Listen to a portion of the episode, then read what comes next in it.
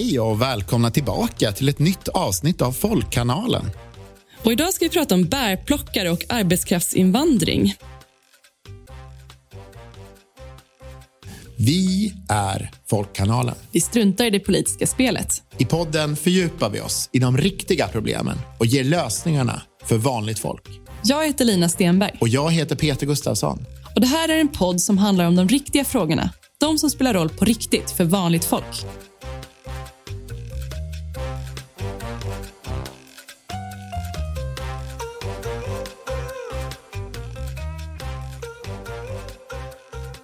Det är jag som är Lina. Och det är jag som är Peter. Och idag ska vi prata om villkoren för bärplockarna i de svenska skogarna. Och Vi gör det med Mats Wingborg som är journalist och skrivit flera böcker och reportage om bärplockare. Välkommen Mats, roligt att du vill gästa podden. Tack så mycket, jättekul att vara här. Eh, och nu i sommar så fylls ju de svenska skogarna med blåbär och hjortron och lingon och andra bär. Många av dem plockas ju av säsongsarbetare från andra länder. Finns det inte till exempel ungdomar som behöver sommarjobb som kan göra de jobben? Ja, man får reda ut det här lite mer noga då. Och, eh, till att börja med är det ju många som plockar bär i Sverige. Men nu pratar vi om den kommersiella plockningen av bär. Eh, och eh, då måste det finnas eh, ganska mycket bär och eh, och också bär som är lätta att plocka. Så det, I Småland finns det mycket bär, men inte tillräckligt tätt med bär. Och Det måste finnas bilvägar i närheten och så. Så att den här kommersiella plockningen den bedrivs ju från eh, ja, Dalarna, norra Dalarna och upp genom Norrlands inland kan man säga. Och de som plockar bär är dels då anställda plockare och sedan flera år tillbaka är det då bara thailändska plockare som är anställda av thailändska bemanningsföretag och inhyrda till Sverige. Och Sen finns det ett antal företag som har bäruppköp. Och vem som helst kan plocka bär till de här bäruppköpen och sälja bären till bäruppköp. Men nästan alla som gör det kommer från andra länder. Det har varit många från Ukraina som inte kan komma längre på grund av kriget, många från Bulgarien. Men kruxet här är ju helt enkelt att eh, priset är så pressat. Man får jobba väldigt hårt för den här lönen. Så att det är väldigt svårt att rekrytera några plockare i Sverige eh, som är villiga att plocka bär. Och det gäller både till bäruppköp och eh, företagen är inte ens intresserade av att anställa plockare från Sverige som ska vara då anställda plockare. Så att det, eh, det är ett ganska tufft jobb. Många tror att det här är ett enkelt jobb. Eh, Ulf Kristersson sa att det här är något som arbetslösa lätt kunde göra. Men om man ser på de thailändska bärplockarna förra säsongen, de plockade ofta kring 100 kilo blåbär. Man börjar med blåbär, det är det viktigaste bäret. Ett kilo är ungefär en och en halv liter. Och man plockar sex dagar i veckan eh, i två månader. Det är man ska vara i väldigt liksom, stark fysisk form och beredd att göra det här då till... Ja, nu är då lönen 24 110 kronor är, är kollektivavtalslönen i sommar. Men det finns inte ens någon efterfrågan. Och det, företagen annonserar inte ens om att anställa svenska plockare utan man vill ha samtliga thailändska plockare. Och ytterligare ett skäl här är ju att Eh, det blir lägre skatt för de här thailändska bemanningsplockarna. Eh, från början var det ingen skatt alls och nu blir det en skatt kring 6-7 procent. Men skulle man anställa, anställa plockare från Sverige så skulle skatten bli högre för dem. Så att, eh, så att, ja, det gör att det är ännu svårare att rekrytera plockare från Sverige. Men du, du sa att det, det, inte är ett enkelt jobb. Hur mycket ska varje bärplockare plocka per dag eller vecka och, och vad händer om man inte gör det? Då? Ja, upplägget är, är då så här att eh, om allt fungerar så ska man få den här lönen då, som i sommar kommer vara 24 110 kronor i månaden. Eh, men plockar man bär till ett värde som överstiger den här lönen, då kan man tjäna extra pengar. Och De här thailändska plockarna som kommer till Sverige de tar ett lån för att komma hit. Lån för flygbiljett och rekryteringskostnad och som är över 20 000 kronor. Och Dessutom dras det ju, eh, från lönerna de här avgifter för kost och logi som är ytterligare ja, minst 20 000 kronor. Så att Ofta har de kvar bara liksom 10 000. Så drömmen för alla de här plockarna det är inte att få kollektivavtalsenliga lönen utan att lyckas plocka mer så att de kan komma hem med lite mer pengar. Annars blir det ju liksom väldigt lite. Um, Sen är det ett problem då att, att en del får ändå inte lön enligt kollektivavtal. De som inte kommer upp till den här gränsen. Det, det är satt i system med dubbla kontrakt. Eh, så att det är liksom väldigt många som bara ändå får det här kilopriset. Men för att svara på din fråga här till sist. så eh, För att komma upp till den här kollektivavtalsenliga lönen, så det här är kopplat till kilopriset då för bären, så bör man plocka kring 70 kilo eh, blåbär per dag och ser man när det blir lingonsäsong då så ska man plocka, där är kilopriset lägre kring 150 kilo per dag. Och Det här är otroligt mycket. Och man, man är långt ute i skogarna, man har med sig rissäckar från Thailand som man fyller bären i. Och både att plocka de här bären och sen bära tillbaka de här rissäckarna till närmsta väg där man har en bil som står och transportera de här till, till anläggningar där bären vägs in sen. är ett väldigt, väldigt tungt jobb. Nu har vi pratat om de här bärplockarnas villkor, men om vi stannar en stund vid företagen. Hur pass lönsamt är det att plocka bär i Sverige? Vilka vinster gör bärföretagen? Det är då ett tiotal eh, svenska bärföretag som hyr bärplockare från Thailand. Och de största är Olle Svensson, eh, som tidigare kallades Finnerödja och Polarica, Norrskensbär är ganska stora. Eh, Blåtand är rätt så stora, sen ett antal mindre företag. Och sen har vi då ett myller av ganska små företag som har den här typen av bäruppköp. Det är ett, över ett 50-tal småföretag. Eh, och det är ju som liksom en hierarki här att bären liksom, vinsterna vandrar uppåt i de här systemen. Men för de här stora, särskilt de stora bärföretagen så är det absolut en ganska liksom lönsam affär. Eh, men det finns också alltid en osäkerhet här och eh, helt enkelt beroende på hur mycket bär det kommer finnas. Eh, så att det är liksom en, för alla involverade så finns det liksom en risk här och, och rätt vad det är så blir det ett dåligt bärår och i år så blinkar ju varningslamporna väldigt mycket på grund av torkan. Men problemet här är ju att den här risken, liksom de som får ta risken förskjuts neråt i, i systemet så att de som får ta den största risken är plockarna medan företagen tar en mindre risk. Men det finns också en risk för dem. Men absolut, det, det är ju liksom, finns en orsak till att den här verksamheten fortsätter fortsätter år efter år. Eh, på topp i de här företagen så är det ganska ordentliga vinster. Men vilka villkor har då, vilka skydd finns då för de som plockar? Om, om man inte skulle få ihop tillräckligt till flygbiljetten till exempel? Vad? Ja, man tar ju ett lån då för, för flygbiljetten och som man också betalar ränta på. Och, eh, problemet lite grann här är ju att eh, det är en väldig press på de här plockarna. Eh, de jobbar ju, man går upp jättetidigt på morgnarna, man går upp fem på morgnarna och de är indelade i små team och alla eh, teamen har en bil och man kan köra ganska långt. Ibland kör de 20 mil för att hitta liksom bra bärmarker och så kommer man tillbaka sent på kvällen, 8-9. Ofta har jag stått vid de här invägningarna många gånger och intervjuat plockare. Eh, så att man måste slita otroligt hårt här. Och skyddet är ju ganska svagt. Eh, och eh, är det dåligt med bär och låga kilopriser så är ju liksom risken att man åker tillbaka då med väldigt låga inkomster. Och tyvärr finns det ju då en risk att, att företag har dubbla kontrakt. Och Det var ju då så förra sommaren, trots att det var väldigt bra med bär så var det många plockare. Det är 13 plockare som har skrivit ett brev till Ulf Kristersson och det finns ytterligare en bilaga till det här brevet med ännu fler plockare, 150 plockare till, som berättar att de har kommit tillbaka med väldigt låga inkomster och en del har kommit tillbaka också med skulder, varit skuldsatta när de har kommit tillbaka till Thailand efter att ha då jobbat i drygt två månader väldigt, väldigt hårt här. Ehm, och det, alltså, skyddet är väldigt dåligt och, och det är också så att hela det här systemet är väldigt ogenomskinligt. För att eh, det är ju thailändska bemanningsföretag som är arbetsgivare, det är de som betalar ut lönerna. Och väldigt ofta redovisar de inte tydligt för arbetarna hur mycket de har tjänat och, och det är också otydligt hur mycket som dras från lönen.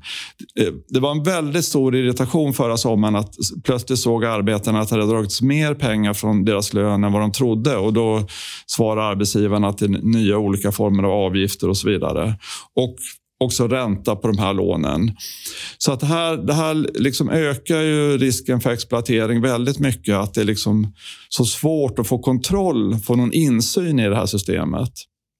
Det här att det är liksom thailändare, eh, det är ju lite speciellt. Hur, hur kommer det sig att det har blivit en sån typ av marknad? Ja, det, det, är en lång liksom, tradition förstås med eh, bärplockning i Sverige. Och från början så var det ju personer i Sverige som plockade och sen så kom personer från, från Polen, Baltikum. Men vad som hände, det här har att göra med charterturismens utvidgning. Först gick ju charterturismen till Mallorca och Kanarieöarna men någon gång på början av 80-talet så sträcktes den ut och plötsligt blev det charterturism också till Thailand. Och då reste män från Norrlands inland till Thailand och de träffade thailändska kvinnor och några gifte sig med thailändska kvinnor. De följde med till Sverige och de började försörja sig på bärplockning. De hämtade hit släktingar eh, för att plocka bär. Ett centrum för det här var Fredrika i Västerbotten där också finns ett thailändskt eh, buddhistiskt tempel idag och på ett berg där står en stor buddhafigur. Eh, så det här skapade liksom band från början och sen plötsligt så kom ett besked från skattemyndigheterna att om man använder säsongsarbetare som är bemanningsanställda från länder utanför EU så behöver man inte betala skatt i Sverige. Och Det här fick det hela att explodera. Sen då har, har en viss skatt återinförts här och det var det jag berättade att det idag finns en låg skatt. Men det här ledde till liksom en explosion. att ja, Svenska skattesystemet ihop med charterturismen liksom skapade det här systemet. Inledningsvis var det också bemanningsplockare från Uzbekistan, och Vietnam och Bangladesh men ganska snart så blev det liksom bara Thailand. Eh, och idag är det liksom väldigt nära band mellan de här thai thailändska bemanningsföretagen och de här svenska bärplockarföretagen. Då.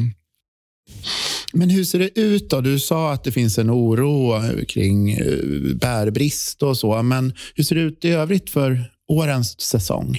Ja, det är ju eh, väldigt många varningslampor som blinkar. För att eh, Normalt är det så att om det är dåligt med bär så går ju kilopriset upp. Men eh, vad som hände förra säsongen det var ju att det var ytterligare en skandal i bärbranschen. Vi har haft flera skandaler längre tillbaks. Och det var ju ett av de här stora företagen, Polarica. Där greps deras vd Jukka Kristo i Finland misstänkt för människohandel. Polisutredningen fort, pågår fortfarande. Det var polisanmälningar i Sverige också om människohandel. Och för hittills, eller under lång tid har det varit så att, att de stora liksom bristerna har varit hos några av de här mindre företagen. Men de här jättarna har haft en väldigt hög svansföring. Så det här skapade liksom en chockreaktion. Och det ledde också till att Coop och ICA och Axfood inte ville köpa bär från Polarica. Eh, medan de här polisutredningarna pågår. Så det är mängder med bär kvar i jättestora frysar. Också internationellt. Bären är också en global vara idag. Så det är bär kvar i, i lager som pressar ner priserna. Samtidigt som ni vet då, så är det extremt torrt i svenska markerna och det är en risk för att det blir som 2018 då vi hade skogsbränder och att det också blir dåligt med bär. Fortfarande kan det hända saker. Det kan bli, plockarna kommer ju liksom i slutet av juli, eh, början av augusti. Så fortfarande skulle det kunna räddas om det blir väldigt mycket nederbörd. Men det kan också bli så, en kombination av dåligt med bär och dåliga kilopriser. Och, då, och sen är det då 5 784 ansökningar eller personer då från Thailand som svenska bärföretag har ansökt om att hämta hit för säsongen. Så det är en väldigt stor grupp. Det är något färre än förra året då det var 6 500. Men det kan bli alltså stora grupper av plockare som kommer att ha svårt att försörja sig och som kommer också bli väldigt missnöjda om det är dåligt med bär och kilopriserna är dåliga. Det, det kommer bli en enorm frustration. Så att det, det är en otroligt liksom osäker situation i år. Och Det som också är så allvarligt med det här systemet det är ju då att plockarna kommer ju hit och är skuldsatta. Och det finns då systemfel här, men det är också stora skillnader mellan olika arbetsgivare. En del har då ändå bra bilar och bra förläggningar, bra mat. Och på andra ställen är det helt miserabelt. Det saknas sängkläder, maten är dålig, bilarna som plockarna ska köra är inte besiktigade. Och hamnar man hos en dålig arbetsgivare, ett dåligt bärföretag i Sverige, så kan man ju inte lämna jobbet för då, ja, då får man åka tillbaka till Thailand med de här stora skulderna. Så att det är, de här skulderna gör ju att plockarna befinner sig i en tvångssituation, i en beroendesituation. Så att det, de är i ett väldigt, väldigt utsatt läge.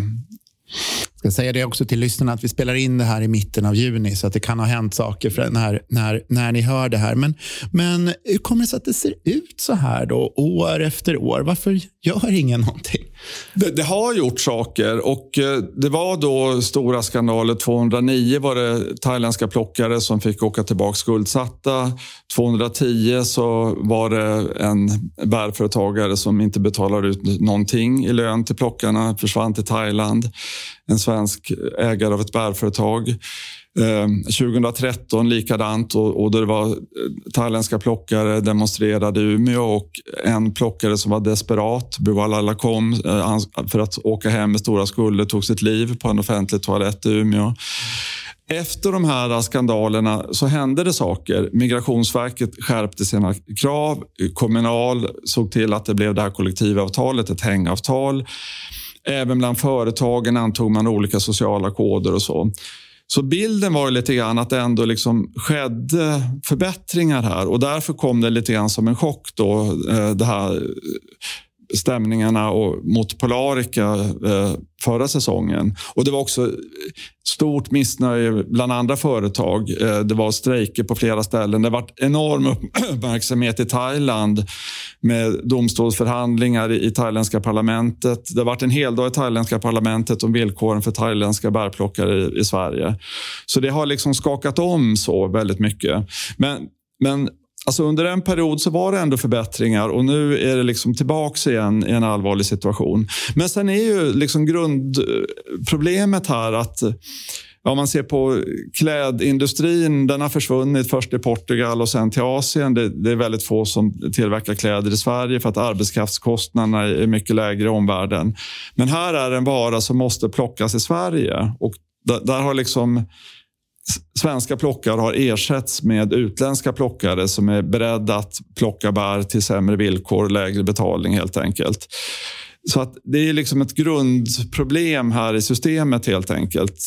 Det är liksom en del av den globala arbetsfördelningen. Så, eh, fördelningen så. Och, eh, ehm, jag skulle önska att man kunde höja löner, förbättra villkor eh, så att fler personer i Sverige också plockade bär. Men då måste också kilopriserna gå upp. Och Det är inte det enklaste. Det kan inte bara Coop och Ica bestämma. För, för det här är också varor på en global marknad. Så att, eh, ja, exempelvis om, om lingonpriserna har varit höga. Så Ica köper mycket lingon. De har köttbullar och lingon på eh, i restaurangerna och ICA-varuhusen. Men när, när lingonpriserna har varit för höga då har ju ICA börjat köpa lingon från Kina istället. Så att det här är liksom globala priser, så det är inte helt enkelt att påverka det här. Men vad, vad, kan man göra då som enskild eh, bärplockare när man nu kanske är i Sverige och, och det sker missförhållanden? Du, du, tänker på thailändska plockarna då? Eh, ja, vad de redan gör. Ja, en, en, annan sak som är ganska intressant som har hänt, som liksom har fått hela frågan att lyfta eh, och som är en enorm skillnad jämfört med bara för några år sedan, det är att varenda thailändsk plockare har en mobiltelefon. Och när det, det, är bilolyckor, när det är dålig mat, när det saknas sängkläder, då tar de bilder på det och lägger ut på Facebook, skickar runt. Jag har ju hållit på med de här frågorna länge så att det är många som vet om att jag gör det. Så det, på somrarna får jag mängder med liksom bilder och kommentarer från olika thailändska plockare. Eh, och Det är också möjligt med de här äh, mobiltelefonerna att intervjua de här plockarna när de är tillbaka i Thailand. Men vad som verkligen borde finnas och som jag tycker det är liksom upprörande att det inte existerar, det är att det skulle finnas en slags liksom bärombudsman under sommaren. En person som kan prata thai.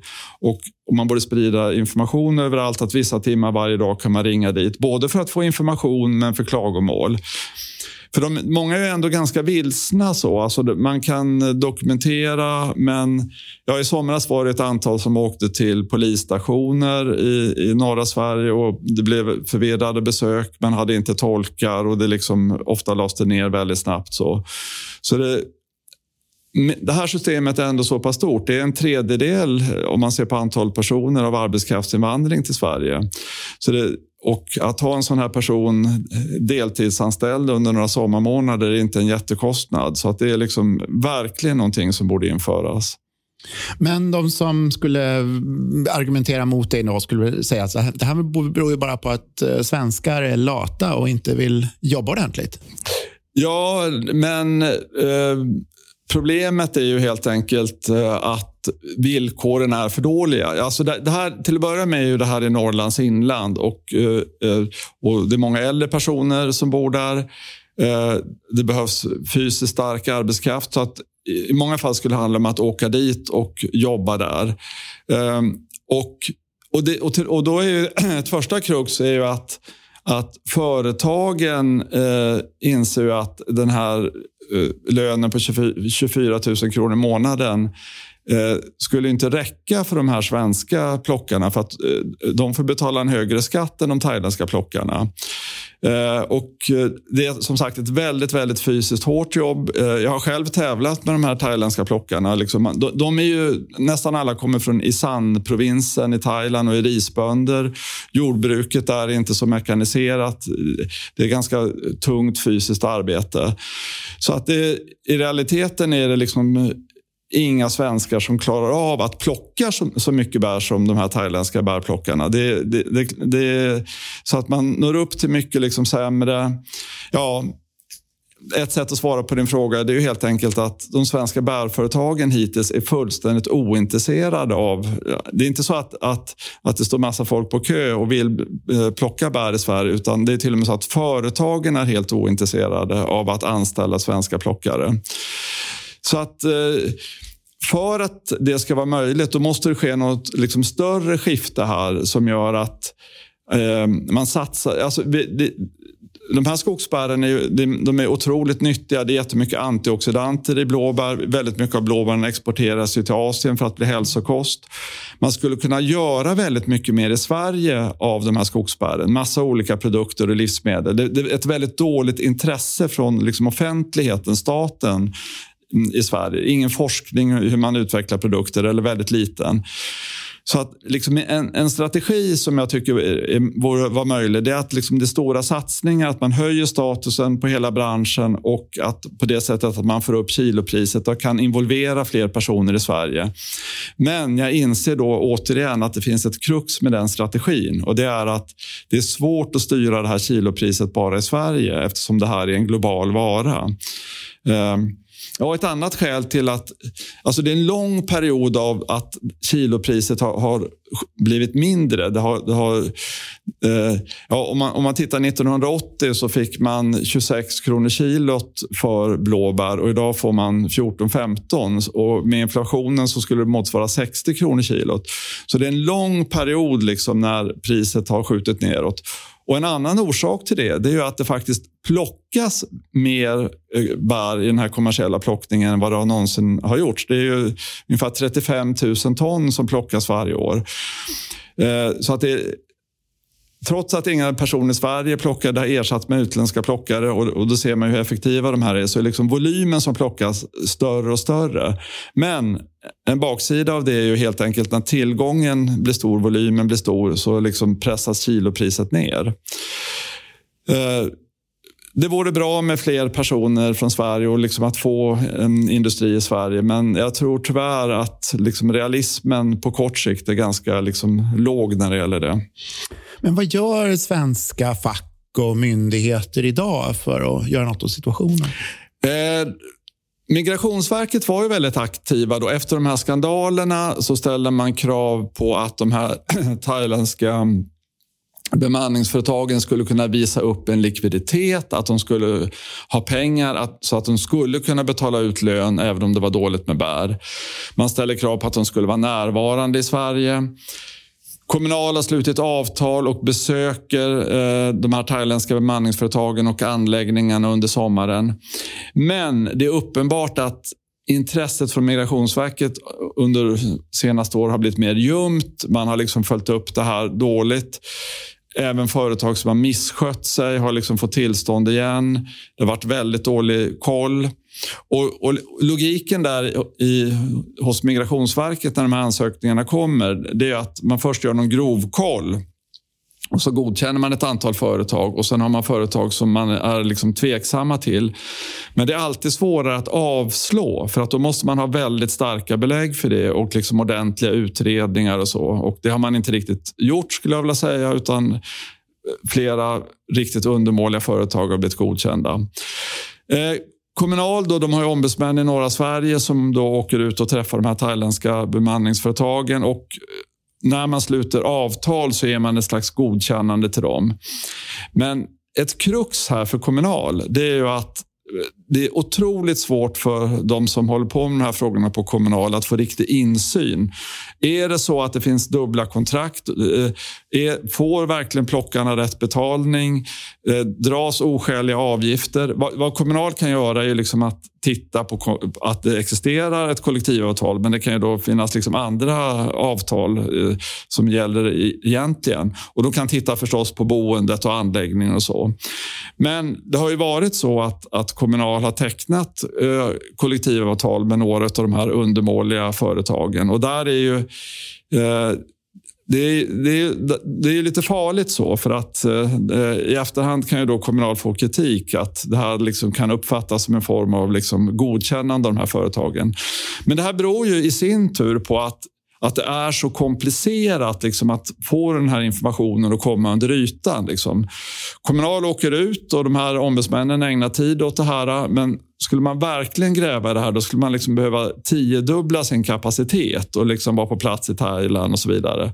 Så det skulle krävas helt andra muskler för att liksom verkligen undersöka om de här företagen som man tecknar kollektivavtal med är seriösa.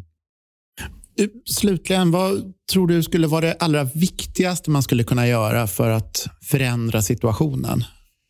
Ja, en sån sak är ju en princip som heter EPP, Employer Pays Principle, och som ju ska gälla överallt och, och finns med någonting som heter DACA-deklarationen. Att migrantarbetare i världen inte ska vara skuldsatta. Man ska inte behöva ta, ta lån för rekrytering och resa till det land som man ska jobba i. Det ska arbetsgivaren stå för. Det är en princip som ska gälla och där har det börjat bli påtryckningar nu mot de svenska bärföretagen. Eh, det måste bli mycket större krav på genomskinlighet. Att det är tydligt redovisat för plockarna eh, vilka avgifter som finns. Rensa upp i de här eh, dubbla kontrakten. Sen tycker jag att, att systemet är väldigt farligt när antalet thailändska plockare har liksom ökat under lång tid. Och förra säsongen var det liksom rekordmånga. Nu är det en liten då minskning som det ser ut att bli i år. Men det gör ju att om det blir ett dåligt bärår som det blir vart tionde år och ser ut att kunna bli det i år, då, då är det liksom en katastrofsituation med så väldigt, väldigt många plockare i Sverige. Eh, sen tycker jag också då att staten har behandlat hela den här branschen väldigt med ointresse, styrmodligt och så. Och det borde bli liksom ett större intresse för svenska bär. Akademisk forskning, hur man utvecklar bärprodukter, mässor som man har i Finland. Finland och Tyskland och många andra länder är mycket bättre eh, än Sverige på det här. Och Det är liksom en del i en mer långsiktig strategi. Det behövs regeländringar och kontroll. Men jag tror också att man måste höja hela statusen på branschen och att det ändå förhoppningsvis leder till att man kan ta fram nya produkter som man kan ta lite mer betalt för och som gör att man också kan rekrytera fler personer i Sverige. För det är en otrolig tillgång. 10% av Sveriges yta är täckt av blåbärsris. 7 av Sveriges yta är täckt av lingonris. Otroligt nyttiga bär. Hjortron är också en mindre del av den här plockningen. Så att det är en enorm naturresurs här som vi har i Sverige. Och, eh, I Asien är man ju otroligt imponerad av svenska blåbär. Det finns ingenting som har så mycket antioxidanter som svenska blåbär. Blåbären som går till Asien slås sönder och man gör hudkräm och tabletter för bättre hud och bättre syn och så vidare. Eh, och Det är mängder med saker man kan använda de här bären till. Så att, ja, helt enkelt, Sverige är liksom väldigt dåliga på det här. Varför får inte alla skolbarn eh, lingondricka eller erbjuds lingondricka som är gjort på svenska lingon exempelvis i skolan? Och där får vi eh, avrunda och tacka så hemskt mycket för ett väldigt givande samtal. Idag har vi fått lära oss om, eh, väldigt mycket om en av Sveriges stora naturresurser. Eh, våra blåbärs och lingonris och hur vi tar vara och inte tar vara på dem och hur de thailändska, som de ofta är, bärplockarna är djupt skuldsatta när de kommer och eh, ofta drabbas av många so svåra problem som eh, vare sig fack, myndigheter eller, eller regeringen eh, agerar eh, eller klarat av att hantera än så länge. Så det finns stora behov av att fortsätta prata om det här och vi är väldigt glada över att ha haft dig här Mats. Tack så mycket. Tack så mycket. Och eh, om du gillar vad du hör, tipsa andra om att lyssna. Dela och rekommendera podden. Vi finns där poddar finns. Och lämna en kommentar, en fråga eller varför inte ett förslag på ett ämne vi borde prata om i podden på sociala medier.